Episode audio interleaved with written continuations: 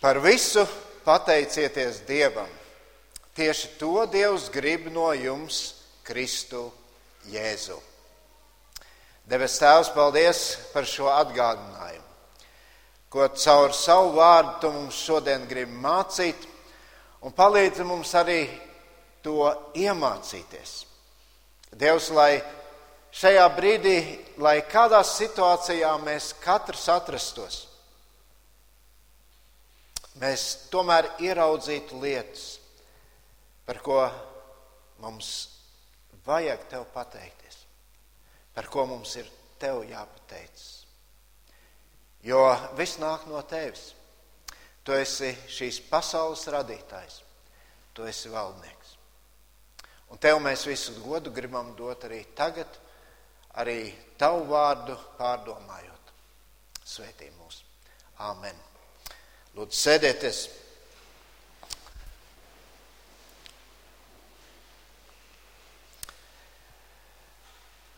Dažas lietas pirms mēs uh, apstājamies uh, pārdomās pie Dieva vārda. Pagājušajā svētdienā man bija iespēja būt uh, Priekulas draudzē, un Priekulas draudzē svinēja savu 150, savus 150. Uh, gada svētkus. Uh, Mīļš sveiciens jums no brāļiem un māsām Priekulē.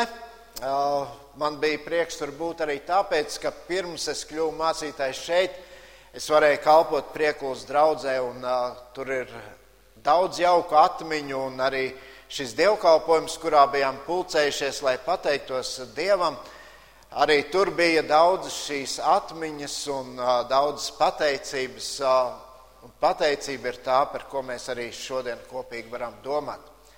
Es gribu teikt paldies uh, visiem, kas ir iesaistījušies arī šī dievkalpojuma veidošanā, uh, kas ir dekorējuši, kas ir gatavojuši dziesmas, kas ir klājuši galdus uh, un tā tālāk un tā joprojām.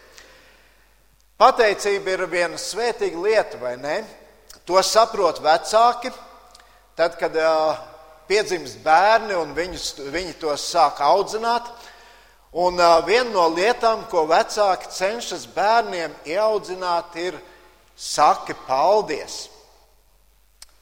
Es atceros savu bērnību, nu, tas jau bija, kad, uh, varētu teikt, tāds apzināts vecums. Mani vecāki man ar vienu to atgādināja. Un uh, viņu dažādos veidās, veidos centās to iemācīt, ka vajag pateikt paldies. Kādreiz nācās no kaut kā šķirties, jo, redziet, cilvēks uzskata, ka man jau pienākas. Un uh, tad vecāki teica, nē, ja tu nespēji pateikt paldies, tad tev tas nepienāks. Un uh, es domāju, ka katrs no mums uh, saprotam, cik svarīgi ir ieraudzīt to, ko mēs saņemam. Ar pateicību visu to saņemt. Un arī Bībele ļoti daudz runā par pateicību. Un arī tas ir eh, iemesls, kas norāda, ka pateicībai ir ļoti liela nozīme mūsu dzīvē. Un, uh, tieši tāpēc es arī šodien, uh, kad mēs uh, šajā mēnesī esam domājuši draudzē kopīgi par lūkšanu, apskatot to no dažādiem aspektiem, un šodien domājam par lūkšanu pateicībā, es gribu uh, aicināt jūs visus, ka mēs koncentrētos uz to, kā iemācīties būt pateicīgiem. Un, tas ir ļoti svarīgi. Kad mēs apskatīsim vairākas rakstu vietas Bībelē, mēs redzēsim, ka tas nav tikai tāpat vien, ka mums ir jābūt pateicīgiem. Ka tas nav tikai nu, tas labais tonis, ka mēs pasakām par kaut ko paldies. It īpaši tāpēc, ka šo, šis laiks, kurā mēs dzīvojam, mēs to varētu nosaukt par totālas nepie, nepateicības laiku. Jo šodien visiem taču liekas, ka viņiem kaut kas pienāks. Uh, Un cilvēki iedomājas, ka viss ir viņam tieši kaut ko parāda. Un mēs nepamanām, ka varbūt šī nepateicība, ka tāda korozija iznīcina mūs kā cilvēkus no iekšpuses, un tas sagrauj mūs ar vien dziļāk un dziļāk. Šodien jau tā ir kļuvusi par tādu milzīgu problēmu, ar kuru mēs cīnāmies sabiedrībā, kad cilvēki ir nepateicīgi. Cilvēks var daudz ko saņemt, bet vienalga viņš nav apmierināts, rīko dažādus protestus, izsaka savu neapmierinātību. Un es vēlos, ka mēs vēlreiz tā uzmanīgi ieklausāmies šajos vārdos, ko tikko lasīju. Apostols Pāvils saka uh, ticīgiem cilvēkiem Tesalonikā, viņš saka, par visu pateicieties Dievam. Tieši to Dievs grib no jums, Kristu Jēzu. Pāvils raksta ticīgiem cilvēkiem. Un ja tu arī tāds esi, arī tev viņš saka šos vārdus par visu pateicieties. Un apustulis Pāvils ne tikai uh, izsaka šo aicinājumu, nu pateicieties, pasakiet paldies, bet apustulis Pāvils saka, Dievs to grib. Viņš savu vēstuli tesaloniķiešiem iesāk ar pārliecību, ka cilvēki, kuriem viņš raksta šo vēstuli un kuri šo vēstuli lasīs, ir ticīgi ļaudis. Pirmās divas nodaļas par to liecina. Es nolasīšu tikai vienu pantu, un uh, otrā nodaļā, 13. pantā, viņš saka, un tādēļ mēs nemitīgi pateicamies Dievam, ka jūs, saņēmuši no mums Dieva vēstījumu vārdus, esat tos uzņēmuši ne kā cilvēku sacītus vārdus, bet kā vārdus no Dieva. Kā tas tiešām ir, un Dievs arī darbojas jūsos ticīgajos. Apostols Pāvils divās nodaļās runā par to, ka viņi ir saņēmuši tik daudz no Dieva. Ka viņi ir saņēmuši glābšanu, ka viņiem ir ticība, ar ko viņi dzīvo. Un tad Pāvils tālāk runā par to, kā šī ticība izpaužas. Kā izpaužas tava ticība? Tu ej uz baznīcu, varbūt uh, vērojot savu dzīvi, tu ieraugi, ka tā kaut kādā veidā atšķiras uh, no uh, kādu citu cilvēku dzīvēm. Varbūt tu nedari kādas lietas, par ko, ko citi cilvēki dara. Tu nedari lietas, ko varbūt sabiedrība uzskata, ka tas ir ļoti normāli. Arī apustulis Pāvils šeit uzskaita daudzas lietas, kā izpaužas ticība. Un viena lieta, ko arī viņš saka, un par to arī šodien domāsim, Pāvils saka, pateicieties par visu. Tā ir ļoti nepieciešama mūsu ticības izpausme. Jo, tic, jo pateicība norāda uz to, kā mēs attiecamies pret Dievu un kā mēs attiecamies pret cilvēkiem. Un es gribu, lai šajā brīdī varbūt mēs mazliet padomājam, kaut vai aizvadītā nedēļa. Cik bieži tu izjūti šo pateicību Un tu arī tiešām tā pateici. Cik bieži tu esi bijis neapmierināts un šo neapmierinātību kaut kādā veidā esi izteicis? Un ja mēs tā mēģinātu pasvert, kas tad ir bijis vairāk, droši vien mums būtu jāatzīst, ka tā pateicība ir bijusi mazākumā. Vismaz man tā ir jāsaka par sevi. Bet, mīļie draugi, pateicība ir attieksmes jautājums, kas nes sev līdzi milzīgas svētības. Un bieži vien mēs pat par to nepiedomājam un to nenovērtējam. Padomāsim, kāpēc Pāvils saka šos vārdus: par visu pateicieties Dievam.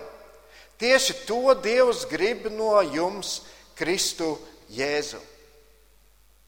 Un vispirms es gribu teikt, ka tās grūtības būt pateicīgiem par visu eh, mums sagādā tas, ka mēs nevienmēr spējam pareizi novērtēt situācijas, ar kurām mēs sastopamies. Mēs to vērtējam no savas skatu punkta. Mēs vērtējam situācijas no tā, kas mums liekas izdevīgāk. Kādreiz apustulis Pāvils sludināja Atēnās, tur bija sapulcējušies tā laika gudrie prāti, filozofi. Un tad viņš tur saka, apakstuļu darbu 17. nodaļā, mēs to lasām. Viņš saka, Dievs kas radījis pasauli un visu, kas tajā.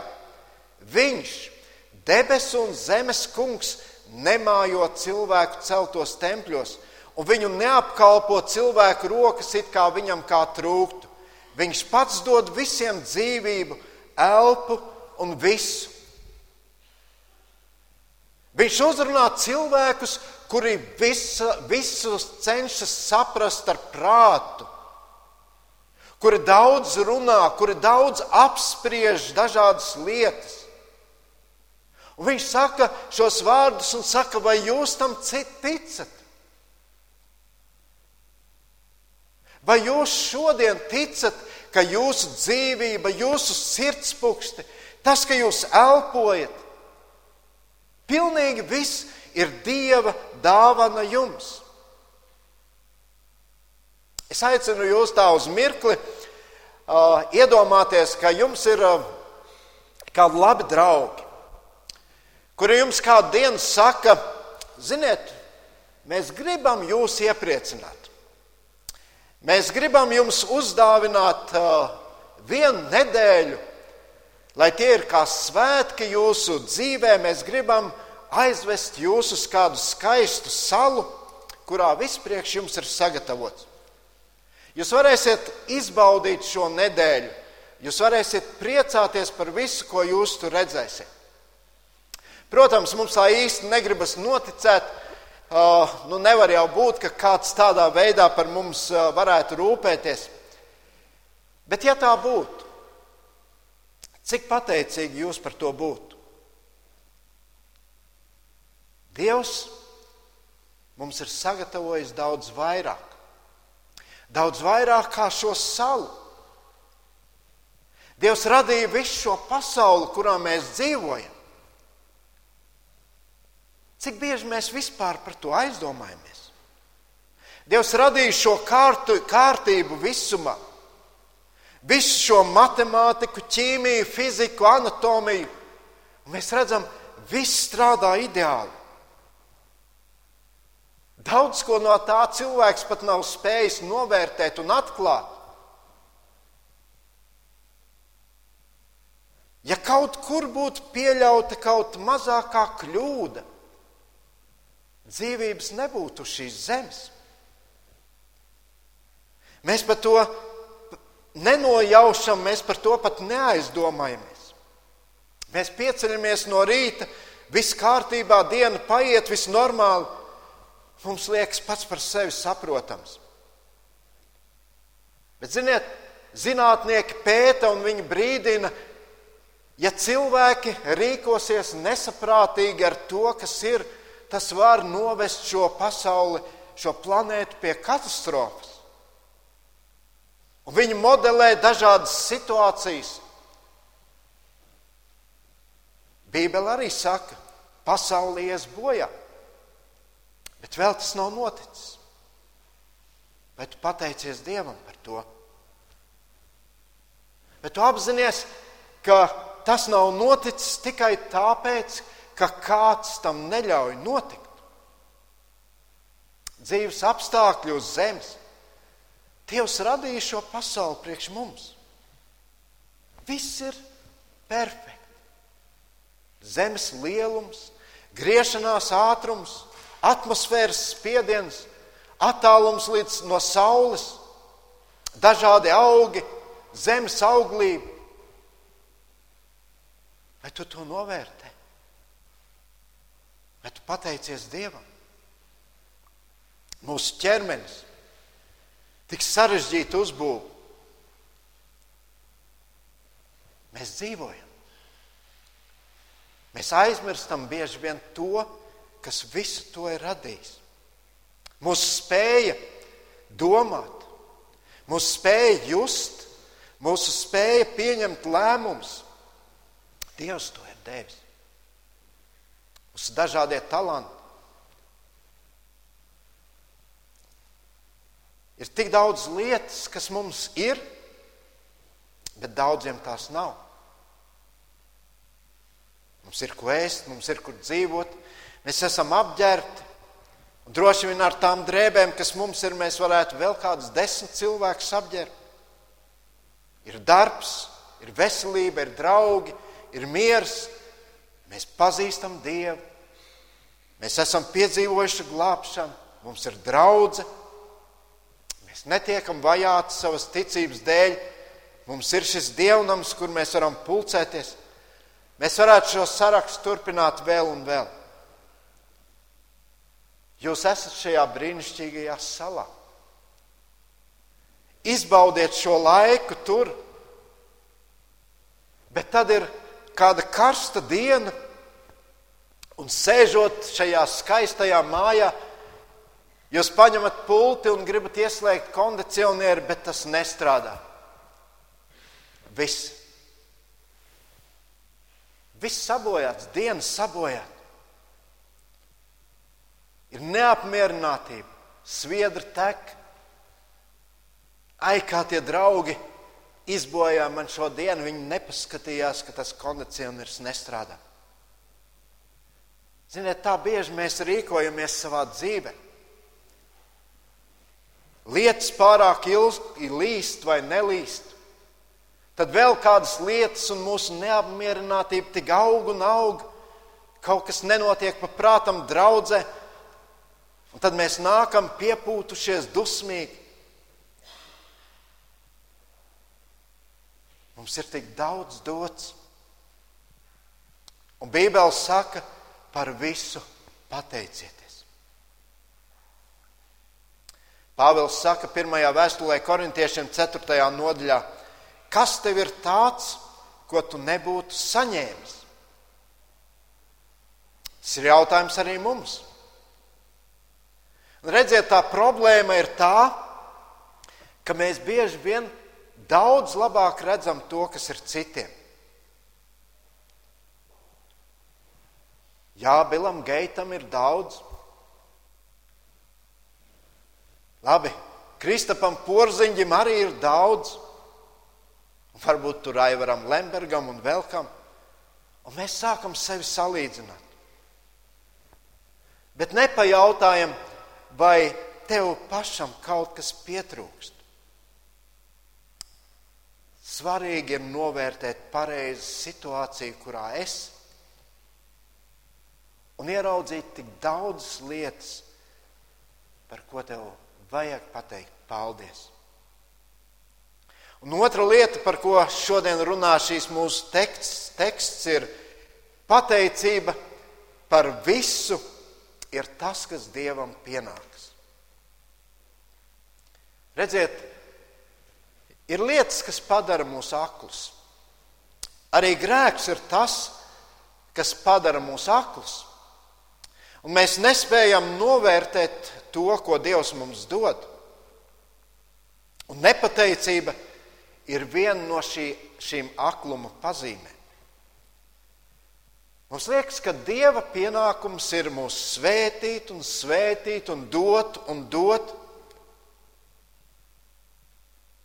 un to labāko. Bet redziet, Bībele saka, ir bīstam tā domāt. Palasīsim romiešiem pirmā nodaļa, 21, 22. Un tur mēs lasām, jo Dievu pazīdami, tie viņu nav godājuši kā Dievu un nav viņam pateikušies. bet kļuvuši domās tukši, un viņu neprātīgā sirds ir aptumšojusies, apgalvodami, ka viņi ir gudri, tie ir kļuvuši muļķi. Un viss sākas ar tādu mazu lietu. Pāvils saka, viņi nav pateikušies. Vecajā derībā ir viens brīnišķīgs stāsts. Stāsts par Izraēlu tautu. Tas ir brīdis, kad viņi gatavojas iet uz apsolīto zemi, un tad Mūzes, kuram Dievs ir atklājis visu par šo zemi, viņš sasauc tautu un brīdina viņus. Tā ir tāda pagara rakstu vieta, bet es daļu no tās gribu nolasīt, jo man liekas, tas ir ļoti pamācoši un svarīgi. Mēs lasām 5. mūzes grāmatā, 8. nodaļā, sākot ar 11. pantu. Mūzes saka tautai, viņš saka, sargies, ka neaizmirsti kungu savu dievu, neievērodams viņa baušļus, tiesas un likumus, ko es tev šodien pavēlu. Kad tu ēdīsi līdz sātam, kad uzcelsi sev labus namus un dzīvos tajos, kad vairosies tavas avis un vērši, kad tev ies daudzumā sudrabs un zelts, kad tev būs daudz visa, kas tev piederēs. Neturi augstu prātu un neaizmirsti kungu savu dievu, kurš tevi izved no Ēģiptes, no vergu nama. Viņš veda tevi pāri lielajam un briesmīgajam tūkstnesim, kur ugunīgas čūskas un skorpioni, kur izdegusi zeme un nav ūdens. Viņš tev izšķīla ūdeni no krama klints. Viņš tevi tūkstnesī baroja ar mannu, ko tavi tēvi nepazina, lai liktu tev zemoties, pārbaudītu tevi, bet galu galā darītu tev labu. Nesaki savā sirdī, Mans stiprums un man roku spēks man ir devis visu šo labklājību. Atceries, kungs, savu dievu, jo viņš dod tev spēku iemantot labklājību, piepildīdams savu derību, ko viņš zvērējis taviem tēviem, kā šodien. Ja tu kādreiz aizmirsīsi kungu, savu dievu, sekosi citiem dieviem, kalposi un zemosies tiem, tad šodien es liecinu, ka jūs ietin iesiet bojā, kā tās tautas, ko kungs izdeldēja jūsu priekšā. Tieši tā arī jūs iesiet bojā, neklausīdami kungam, savam dievam. Mozus brīdina šos ļaudis. Un Mozus skaidri saka, ka no jūsu pateicības vai nepateicības būs atkarīga jūsu dzīve.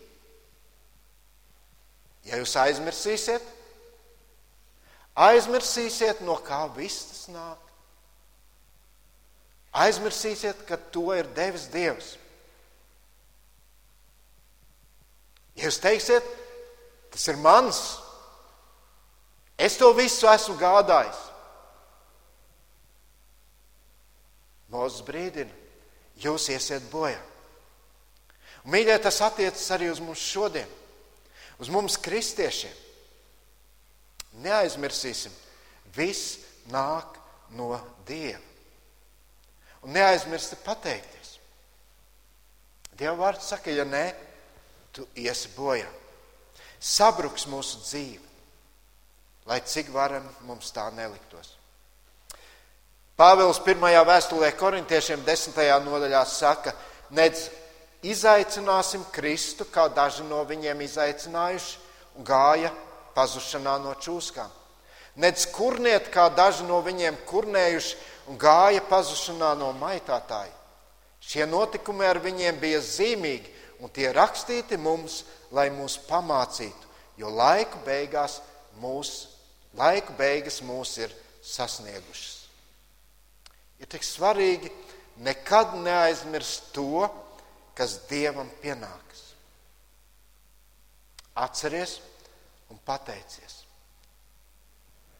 Redziet, pateicība ir tā, kas dara mūsu dzīvi pavisam savādāku. Kas dara mūsu dzīvi, es gribētu teikt, patīkamāku, priecīgāku mums pašiem.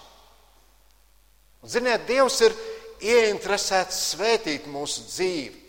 Jo Bībelē mēs varam atrast tik daudz piemēru tam, ka pateicīgs cilvēks tomēr ir laimīgs savā dzīvē. Viens piemērs. Mēs sākumā lasījām 104. psalmu. Es neatkārtošu.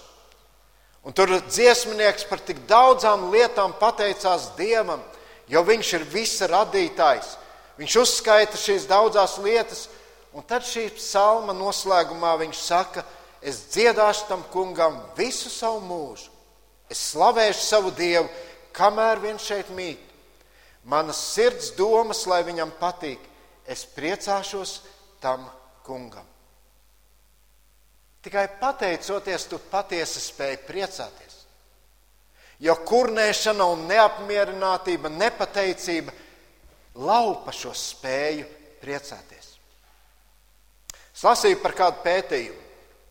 Tur bija kāda grupa cilvēku, kur pētīja uh, cilvēku attiecības, un tad uh, viņi veica eksperimentu.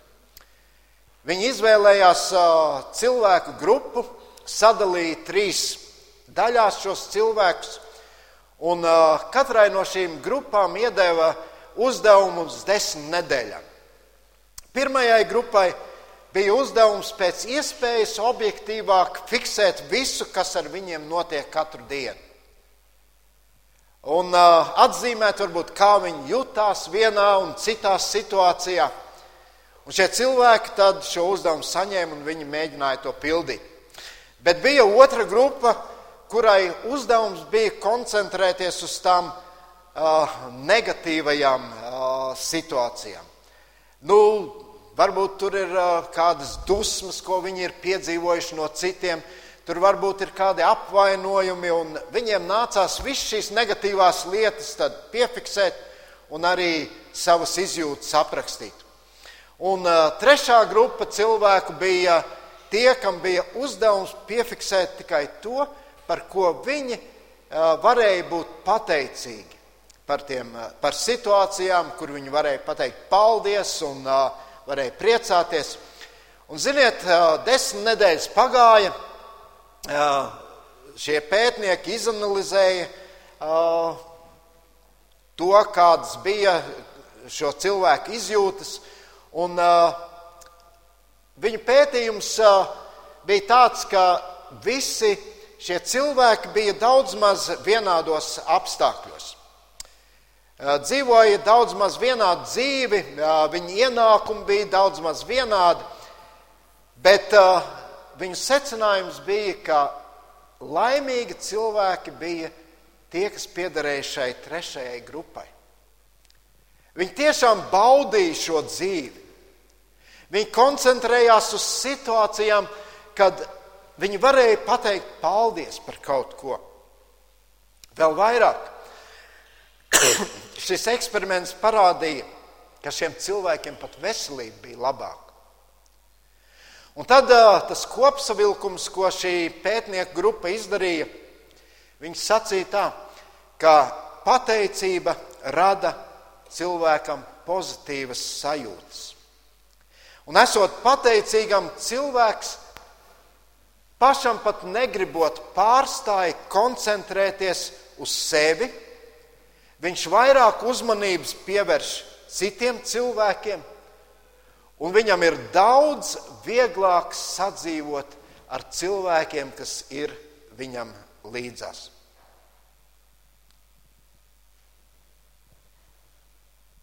Un tie nebija kristieši. Tas bija eksperiments kādā pilsētā.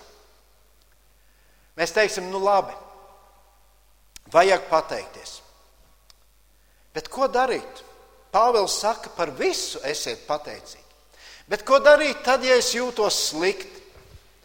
Ja man dzīvē ir problēmas, ar kurām es sastopos atkal un atkal, ko tad darīt, ja es neredzu risinājumu? Ko darīt tad, ja tu esi kādās dziļās sāpēs, ciešanās, ka tu esi kaut ko zaudējis savā dzīvē?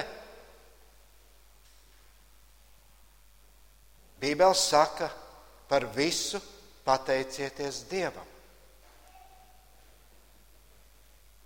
Es daudz domāju par šiem vārdiem. Un tad es atvēru vienu grāmatu, ko es biju lasījis ļoti reti. Raudu dziesmu. Jeremijas raudu dziesmu. Un šī grāmata stāsta par cilvēku, kurš savā dzīvē iet cauri smagiem brīžiem. Ir karš, pilsēta ir izpostīta, bērni ir saņemti gūstā, aizvesti verdzībā, vīri ir nogalināti. Šis cilvēks ir šajā pilsētā, viņš visu to redz. Un viņš saka, es vīrs, kas dabūjis ciest no viņa dusmības, rīkstes. Viņš mani dzen, liek staigāt tumsā, ne gaismā. Te griež un griež savu roku pret mani augu dienu, deldē man miesu un ādu un satriec kaulus, apsēž mani un lenc ar mokām un rūkumu. Mēs varētu domāt, kur vēl tālāk? Kur vēl tālāk, kad ir tas viss jāpiedzīvo, kad tu neredzi šo gaismu kaut vai tuneļa galā? Kad ir tikai problēmas un ir neatbildēti jautājumi. Bet tad šis pats vīrs, trešajā nodaļā, viņš saka, tā ir tā kunga žēlastība, ka mēs vēl neesam pa galam. Viņa žēlastībai vēl nav pienācis gals. Tās ir ik rītu jaunas, un liela ir tava uzticība. Tas kungs ir mana daļa, saka man dvēsele, tādēļ es cerēšu uz viņu. Labvēlīgs ir tas kungs tam, kas uz viņu cer, dvēselē, kas viņu meklē. Jeremija šeit uzskaita vairākus iemeslus pateicībai. Un tas, ko viņš dara, viņš apzināti novēršas no bēdām, kuras viņam nācās piedzīvot. Viņš apzināti koncentrējas uz svētībām, kuras vēl ir.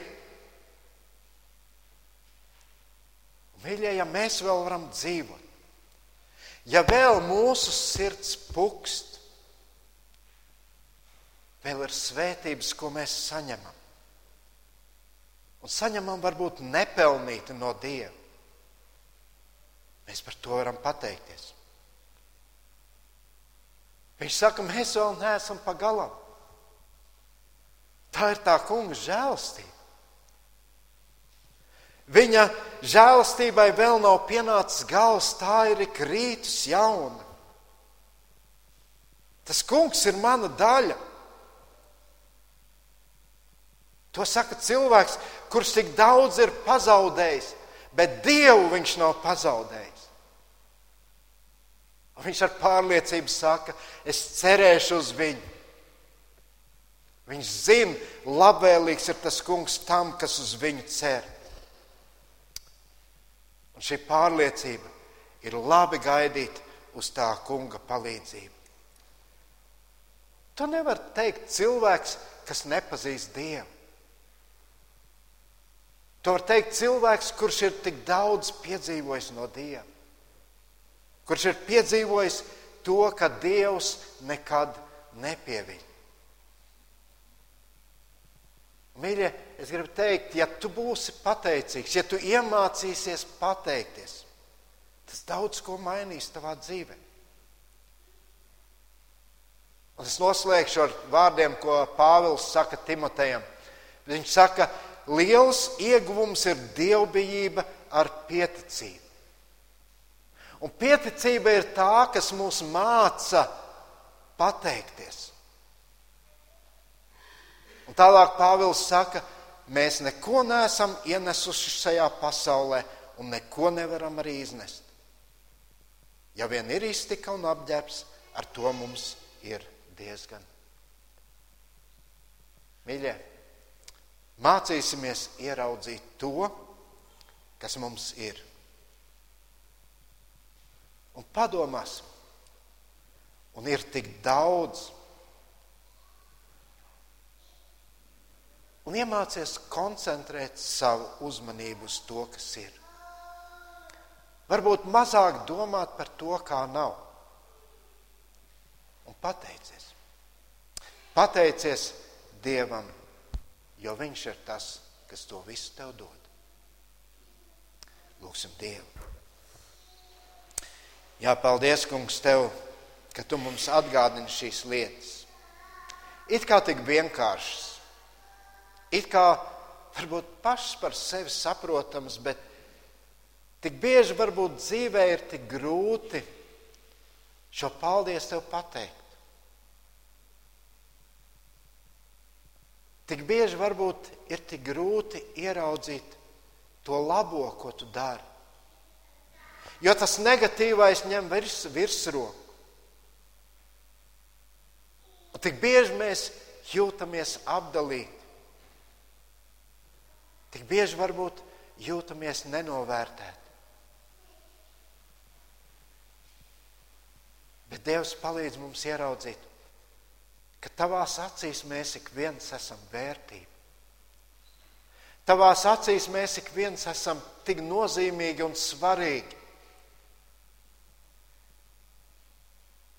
Un tu, Dievs, pats savu dēlu nepasaudzēji, lai mēs varētu baudīt šo dzīvi.